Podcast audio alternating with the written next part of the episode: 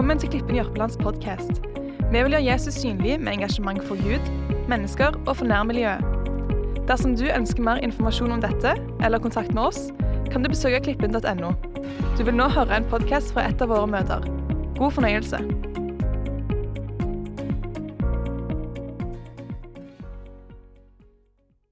Ja, vi skal ha, fortsette med, med Bergprekenen. Og det er jo en veldig spennende bok og tale av Jesus som han holdt i eh, Bibelen. Og jeg tenker at eh, Bergprekenen, den eh, ja, Man kan egentlig kalle den for på en måte andelig, annerledesrike. For det er veldig, veldig annerledes. Når vi tenker på jakten på den moderne Jesus, kan fort bli eh, jakten på vårt eget eh, speilbilde av Jesus. Vi eh, søker etter en som er helt lik oss selv. Og Det kan kanskje være en godslig Jesus som bare bekrefter oss, som liker oss. Og så er det denne historiske Jesus er ofte formet av politiske og religiøse makthavere. Derfor har kirkehistorikerne i stor grad avskrevet og omskrevet alt som Jesus gjør, til en eh, revolusjonær og radikal, selv om vi alle mer eller mindre bevisst eller ubevisst skaper vår egen Jesus i vårt eget bilde. Men så er det da evangelienes Jesus. Evangeliene er skrevet av øyevitnene og er de eldste og mest utfyllende kildene vi har om Jesus. Og alle som eh, ønsker å komme på spor av Jesus, vi anbefales å lese de kildene. Og vi har en bok ute i gangen her som er uh, veldig bra. Den heter uh, 'Etterlyst bergprekenenes Jesus'. Har folkekirkene glemt ham? Og navnet er Oskar Skarsaune. Han er en internasjonal kapasitet på den tidlige kirkens historie. Og så er han en nestor i nyere norsk historie. Så det er denne bergprekenens Jesus har folkekirken glemt ham. Det er en ganske tjukk bok, liten skrift, tar ganske lang tid å lese. Men den er veldig interessant, og den selges ute i gangen her. Så den er utfordrende, den er ransakende, og det er en oppbyggelig bok. Og det er en rystende god bok, som han sa. Så er det en annen bok som heter 'Den kristne ateisten', som også vi har der ute, som handler litt om det samme, samme tema og emne. Hvis jeg da i dag jeg har lyst til å gå inn i eh, bergprekenen og Det er jo Jim som har talt én gang, og så er det Tørre som talte forrige søndag. Han talte om saligprisningene. Jeg har lyst til i dag at vi skal gå inn i en tekst, men jeg skal si litt før vi leser teksten. Jesus han eh, står foran mange mennesker når han taler denne talen her. Antagelig så er det flere tusen menn. Det var jo sånn at De telte bare menn den gangen. Og Det hadde vært enklest å gjort det i dag også. Men den kvinner og barn så var det mange tusen som var i nærheten av Jesus denne dagen. Og her holder han den mest kjente talen som vi leser i hele Bibelen. Det er den mest uh, utfordrende talen som Jesus holder, og det er den mest kjente talen som Jesus holdt i Det nye testamentet. Matteus, som er uh, forfatteren av dette evangeliet, han vil gjerne vise en Jesus som er opptatt av alle mennesker. Ikke bare rike og vellykka, men han vil også at vi skal bli opptatt av de fattige, de som ikke får til livet, de som ikke regnes for å være noe. Og I denne teksten her som vi leser sammen i dag, så kommer Jesus til oss med et fantastisk budskap. Og det budskapet han, han kommer med, det er 'Vær ikke bekymret for morgendagen'. Vær ikke bekymret for morgendagen. Men straks så meldes disse motforestillingene seg. Hadde Jesus kunnet si noe slik om han hadde levd i vår tid? Og hva hjelper det å si at man ikke skal være bekymra? Det kan jo bli som en nesten eh, ny belastning. Så vi på en måte klarer ikke å la være å bekymre oss. Men så sier han 'vær ikke bekymra'. Men her i teksten så peker Jesus hvordan vi kan slippe å bære på bekymringenes tunge byrde. Jeg tror at Bekymring er det mest kjente ordet i et menneskes liv. Bibelen har et veldig klart budskap om dette her med bekymring. Har et veldig sterkt forhold til dette med bekymring, og det er vær ikke bekymra. Vær ikke bekymra. Derfor har vi denne prekenserien her om bergprekenen. For med Jesus så har en ny tid kommet. Og i bergprekenen så viser Jesus oss hva konsekvensene blir etter omvendelse og etterfølgelse av Jesus Kristus. Og det å være en etterfølger av Jesus Kristus det innebærer en total ny måte å leve på. Flere steder når vi leser Bergprekenen i kapittel 5-7 i Matteus, så står det flere ganger 'Vær ikke lik dem', sier Jesus. Da snakker han om de andre. Vær ikke lik dem. Ikke gjør som de. De har ikke skjønt det, men vær sånn. Så Guds mål er at du og jeg skal være annerledes.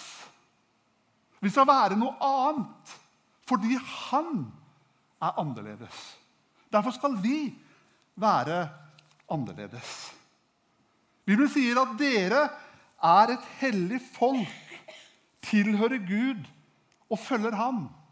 Men i bergprekenen, når vi leser den, så møter vi en eh, ny livsstil. Vi møter nye verdier og ambisjoner som er så radikalt annerledes enn omgivelsene. Så bergprekenens budskap er det Gud ønsker å se i ditt og mitt liv. Og Jesu undervisning har et siktemål. Det er jo nemlig det å hjelpe oss til å være etterfølgere av Jesus Kristus. Det er å ære Gud med våre liv og elske vår neste med Guds rikes krefter. Og nå skal vi lese teksten. Og Det står i Matteus kapittel 6, og vi leser fra vers 24 til og med 34. Ingen kan tjene to herrer. Han vil hate den ene og elske den andre, eller holde seg til den ene og frakte den andre.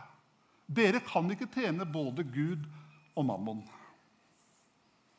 Derfor sier jeg dere, vær ikke bekymret for livet, hva dere skal spise eller hva dere skal drikke.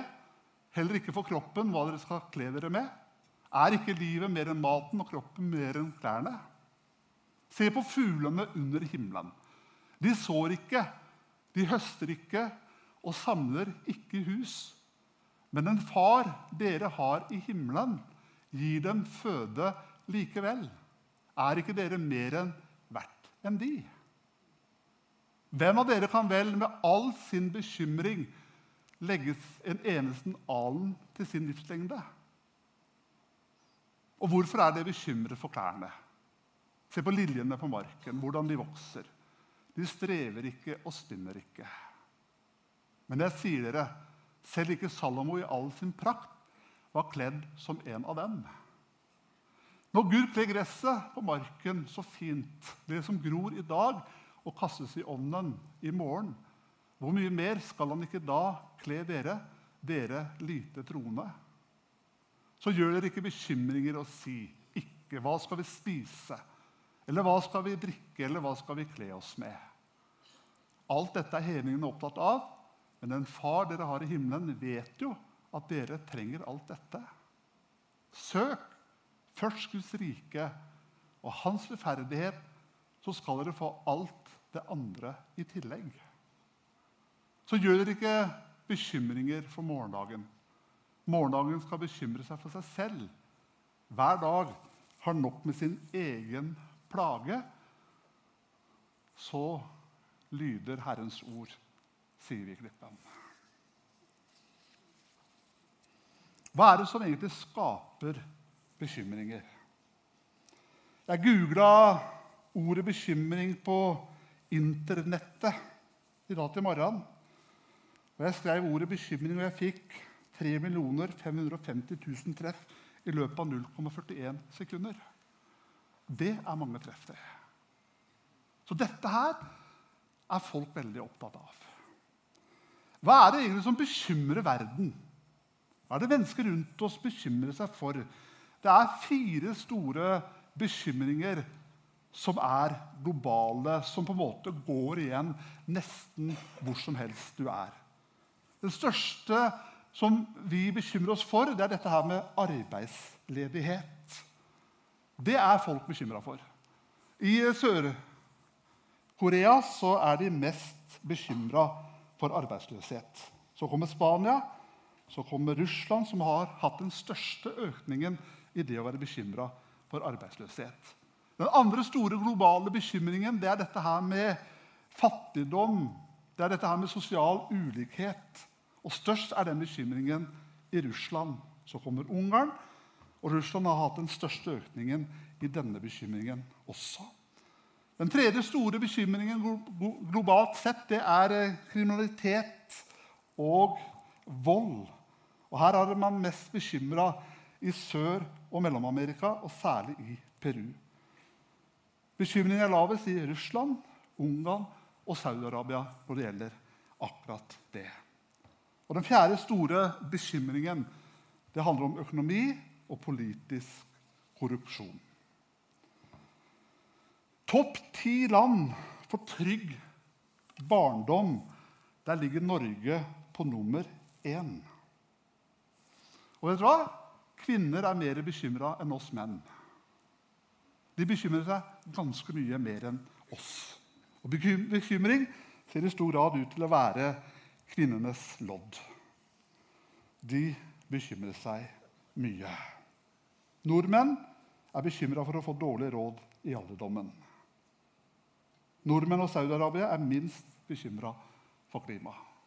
Det er litt dette her globale Hva er det som på en måte bekymrer oss?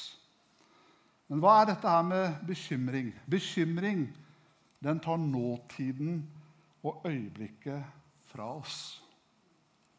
Bekymring tar nåtiden og øyeblikket fra oss. Jesus er så utrolig opptatt av og forteller oss i denne prekenen her Vær ikke bekymra.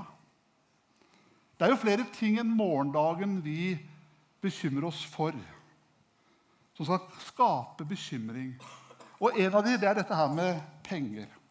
Han begynner ganske radikalt, Jesus, når han skriver dette kapittelet her. Han begynner her i teksten vi leser at ingen kan tjene to herrer.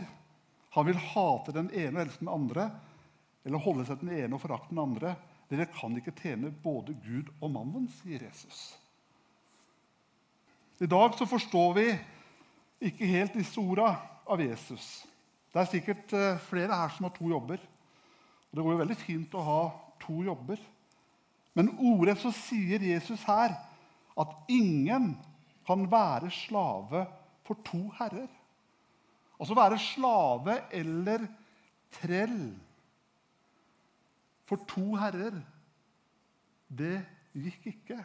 Var man en slave eller en trell på Jesu tid, så var man sin herres eiendom hele tida. Man hadde ingen fritidsproblemer. Man måtte stå til sin herres disposisjon 24 timer i døgnet.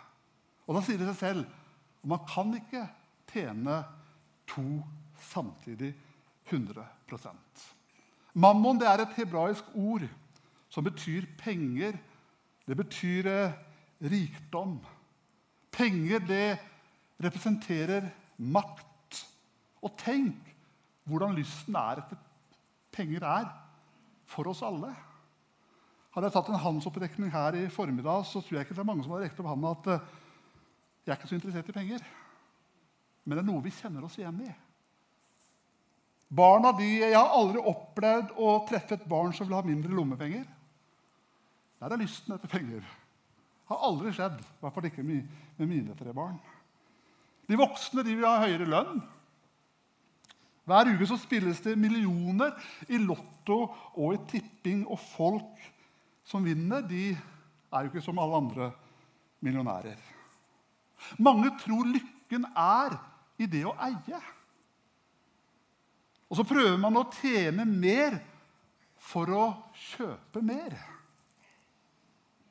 Og så blir man bekymra for de verdiene en har. Eller for alt det man ennå ikke har skaffa seg. Det går ikke an å tjene både Gud og penger med. Gud vil at vi skal tjene han 100% Og så radikal er Jesus i denne talen. Og alt dette det fører garantert til eh, bekymring. Men Gud han ønsker å eie oss helt og fullt. Og Det er dette Jesus sier også i det største av alle bud. Som er sånn at du skal elske Herren din Gud av hele ditt hjerte og av hele din sjel og av all din forstand og av all din kraft. Så skal du elske Gud. Så tenker jeg hvordan an å elske ham mer enn det? Han vil på en måte ha alt. Jeg tror når vi gjør det, så tror jeg bekymringen blir lettere. Det går an å elske Gud over alle ting. Hvis jeg har Gud kommer først. Men hvis vi lar andre ting komme i veien, så kommer ikke Gud først. Men det å på en måte sette Gud på førsteplass Det er jo grunn det bergprekenen viser oss og forteller oss. Jeg sier mange at Bergprekenen for meg handler om tre punkter. Det er å gi det andre tar, det er å elske det andre hater, og det er å bygge opp der eh, andre river ned. Da jeg leste teksten og leste bergprekenen, så tenker jeg Jesus, du er irriterende radikal. Du er så direkte. Du er så tydelig. Men så var det på en måte den talen han ville gi for å vise at det finnes et annerledes liv. At det finnes et opp-ned-rike der det er så totalt annerledes enn det vi er vant til. Er ditt og mitt fokus Gud? så vil han lyse over oss. Og han er med oss. Det betyr ikke at opptattheten av å tjene, spare, å spare og planlegge er galt. Men det blir galt i det øyeblikket at det fyller våre liv. Det betyr ikke at vi som kristne går smertefritt i dette livet her. Vi går ikke smertefritt gjennom verden. Vi rammes av ulykker, vi rammes av katastrofer. Men da lyder dette ordet fra Jesus. Kom til meg, alle som strever og tunge byrder å bære, og jeg vil gi deg hvile. Det andre Jesus nevner her, som skaper bekymring, det er kroppens behov. De menneskene som satt her og lytta til den talen, de eh, hadde grunn til å bekymre seg for daglige ting som mat og drikke, klær og helse. De fleste var lutfattige hver dag. Det var en kamp å få nok mat til å mette sultne mager. Klærne de hadde, de var fillete, de var hullete, og mange var syke.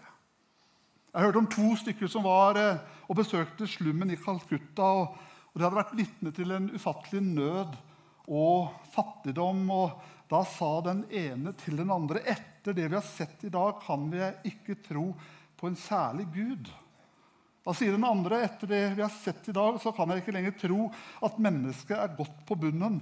Så forskjellig møter man disse utfordringer. Man skylder på Gud, og så skylder man på mennesket. Hvordan er det med oss her da, i Norge? Vi har det ganske bra. Vi har det meste.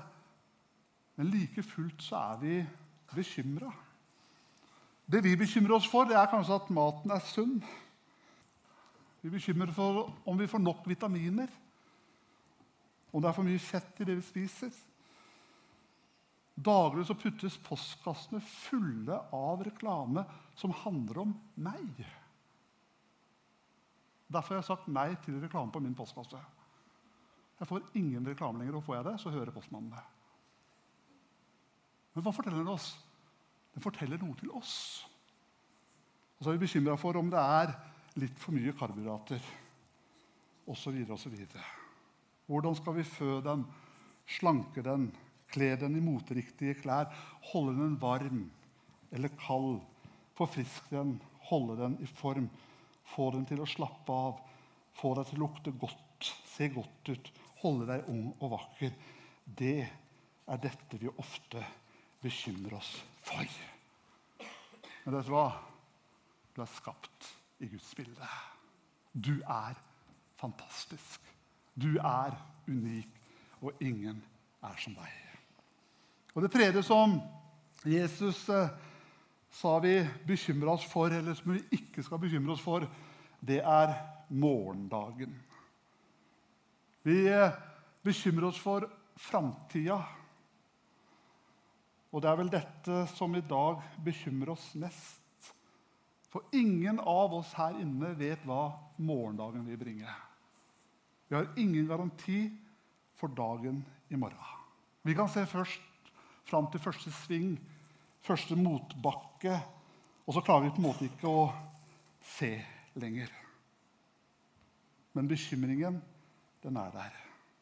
Den uvissheten som skapes da, så kommer denne usikkerheten, denne bekymringen. Ja, hvordan skal det gå med eksamen?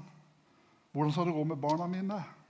Hvordan vil det gå med far og mor som ikke er glad i hverandre? Vil de skilles?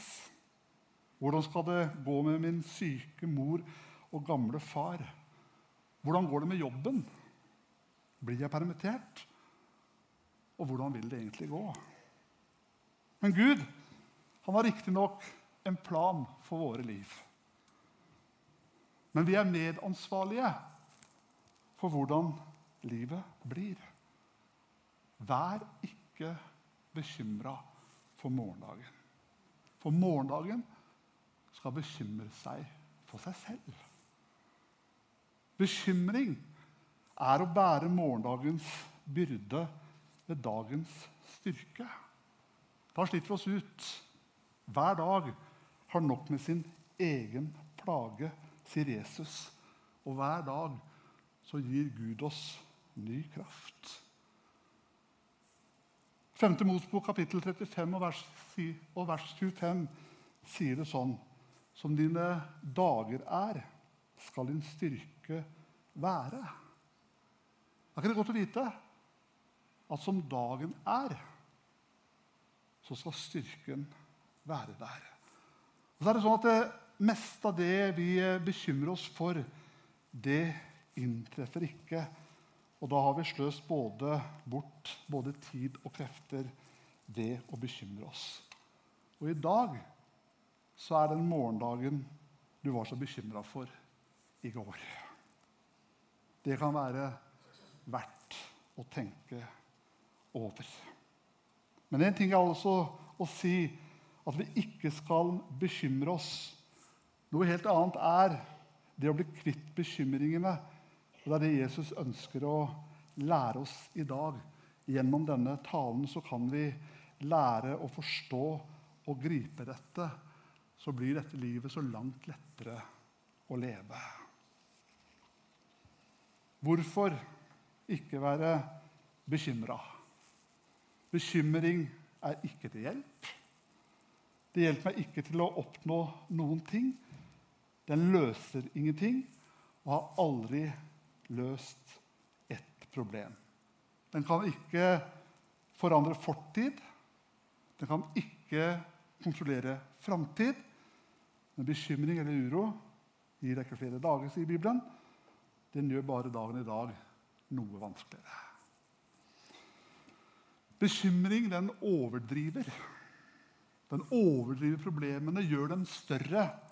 Og jo mer vi fokuserer på problemene, jo større blir de. Kong Harald han ble en gang spurt om uh, dette her med bekymring. Jeg vet ikke om du husker det, men Han uh, ble spurt av en uh, journalist. Han lurte veldig på om kongen lå våken om natta og bekymra seg om natten for mulig terror. Og Da svarer kong Harald veldig bra. Nei, de spørsmåla overlater jeg til dem som kan det best. For hvis det først skulle smelle her i landet, så ønsker jeg i alle fall å være uthvilt. Det er fint å møte terror på. Jeg sover godt, og så om det smeller, så er jeg uthvilt. En annen eh, med kong Harald det syns jeg også var egentlig veldig bra. Det var eh, når han var og besøkte Paris for mange år siden, så fikk kongen et spørsmål om du kan du fransk. Nei, jeg synes fransk er veldig vanskelig, så det er veldig bra at vi har så gode tolker, svarte kongen. Så er det en som står ved sida, det er jo dronninga, selvfølgelig, som da prøver å si til han at du vet hva, jeg har jo prøvd å få han til å lære det, men han vil ikke. Sier denne dronninga. Det virker som at hun sier hva hun mener. Og så svarer han da nå har det blitt for seint for meg å lære fransk. Det blir aldri for seint, svarer da dronninga mannen sin. Og da kvikner eh, kongen litt til, og før freden senker seg over et lettet ansikt, så melder han det var veldig godt å høre. Da kan du vente litt til. Det er noe med det å møte de her problemene og tinga. Nå var det ikke så stort problem det for kongen å lære fransk, kanskje, og det er jeg helt enig med at jeg hadde jo aldri giddet å lære fransk. Men det er denne måten å møte det på. Ja, da kan jeg vente litt. Jeg føler meg uthvilt om det smeller. Men hvordan bli fri for disse bekymringene da? Jo, da sa Jesus i bergprekenen Søk først Guds rike og hans rettferdighet. Søk først Guds rike og hans rettferdighet. Guds rike er der Jesus er konge. Å søke hans rike først, dvs. Si å søke hans vilje på alle områder av livet vårt. For Jesus han vil være konge over mitt liv, han vil være konge i min økonomi, mitt arbeid, min fritid, min fremtid, mitt hjem, min kropp. Søk Guds rike først. Hans rettferdighet får vi del i når vi overlater våre liv i hans hender. Og I Romerbrevet 5,1 så står det da vi altså er blitt rettferdige ved tro, har vi fred med Gud, vår Herre Jesus Kristus. Å tro det er nemlig å betro seg til Jesus med hele livet, for hele livet. Da får vi del i Jesu rettferdighet, at han blir vårt liv. Og da blir vi Guds barn, og Gud, han blir vår far. Og han vil ha omsorg for oss. Han vet hva vi trenger til, og han elsker å gi sine barn gode gaver. Mange mennesker de er eh, redde for å overlate kontrollen til Jesus, men det er ikke farlig. Hvorfor er det ikke det? For han vil det beste for oss. Han elsker oss med en evig kjærlighet, og han elska oss så høyt at han ga sitt liv. Hvordan? skulle han kunne annet enn å gi oss alle ting med han, sier Paulus. Og det som er, det er at Han kjenner framtida, han kjenner morgendagen. Fra sin himmel så har han full oversikt. Han har kontroll. Og så har han lovet å være med oss gjennom hele livet. Derfor er det trygt å legge sitt liv i hans hånd og sterke og mektige hånd. Mens den onde han forsøker å si er du gal, søker du først Guds rike, så vil det bli slutt på alt som er godt, alt som er moro. Men han er en løgner. Han har til dags dato ikke sagt én sannhet. Å søke hans rettferdighet, det betyr å arbeide for andre. At de skal få rett på det de har rett på. Det handler om å dele det vi har. Og vi må lære oss å dele. Og da, når vi gjør det, så er det mange som blir, blir fri fra sine bekymringer. Derfor er det viktig å gi til menighet, gi til kirka og gi til misjon, for vi ønsker å dele. Vi ønsker å bety en forskjell. Men det er ikke bare de materielle goder vi er kalt til å dele, men vi har også et oppdrag. Det er å dele evangeliet med hele verden. Det er ikke rettferdig å holde det for oss sjøl. Det er derfor vi driver med det vi driver med. Kanskje du blir lei av å høre om det, men det er nettopp det som er grunnen for at vi ønsker å la dette oppdraget komme videre. Paulus sier i kapittel 1 og vers 14 i rommebrevet, Romerbrevet så sier han, For jeg står i gjeld, sier han. Både til grekerne og andre folkeslag, til lærd og ulærd. Derfor er det jeg ønsker, det er å forkynne evangeliet for dere i Roma. Hadde han gjeld? Hadde Paulus gjeld? Hadde ikke Paulus fått sin eh, fortid tilgitt, sletta ut sin synd? Jo, han hadde jo det. Men dermed så var han blitt arving til himmelens herlighet. Og denne arven den måtte han dele med sine medarvinger. Han opplevde det som en gjeld at det var noe han ikke kunne la være å gjøre. Så han hadde gjeld. Om jeg hadde hatt en rik onkel i Amerika Nå har jeg ikke det. Og så En dag så dør denne onkelen, og så sender han et brev denne advokaten hans sist, og så har han testamentert hele formuen til sine nevøer og nieser. Og så er det jeg som fikk dette brevet fra et advokatfirma. Så ble jeg bedt om å fordele denne arven blant mine søskenbarn.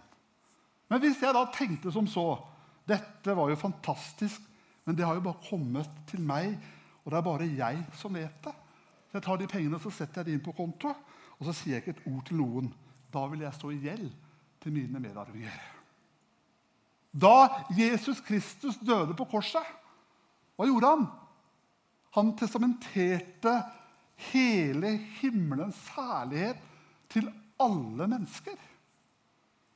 Vi har fått vite om dette, og vi har ikke lov til å holde de gode nyhetene om arven for oss sjøl.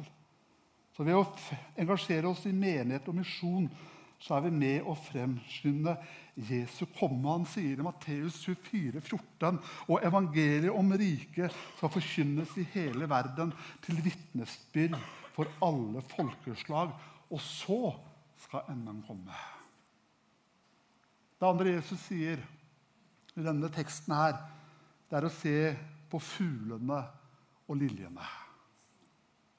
Jesus han oppfordrer oss til å se oppover på himmelens fugler. Hva kan vi lære av fuglene? Fuglene er ikke mye verdt. På Jesu tid så solgte man dem for ett øre, to spurver. Men likevel så er det ingen av dem som faller til jorden uten at Gud vet om det. Når Gud har omsorg for disse små skapningene, hvor mye mer har han ikke da omsorg for oss, vi som er hans barn? Og Se på liljene på marken. Hva kan vi lære av dem? For det første så er de så vakre. Og selv ikke Salom i all sin prakt var så vakker. Dessuten så borer de røttene ned i jorda, og så åpner de sånne fantastiske blomsterenger mot himmelen. Hva handler det om? Vi må lære oss å bore våre røtter ned i Guds ord. Og Da ligner vi på trær som er planta ved rennende bekker, og de påvirkes ikke av ytre omstendigheter, men de bærer frukt i rette tid, om ellers det er tørt og trist rundt dem. Dessuten så lærer vi oss å åpne oss mot himmelen i lovsang og tilbedelse. Jeg opplever noen ganger jeg kan komme på møter jeg kan være litt bekymra og tungsindig. Og, ja. Men når lovsangen begynner, så er fokuset et annet sted. Man løfter blikket så blir disse tingene ganske små.